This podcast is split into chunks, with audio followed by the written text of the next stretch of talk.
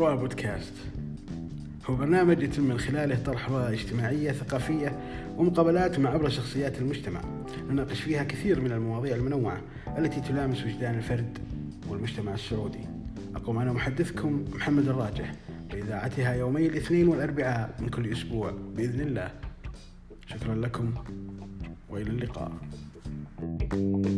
thank you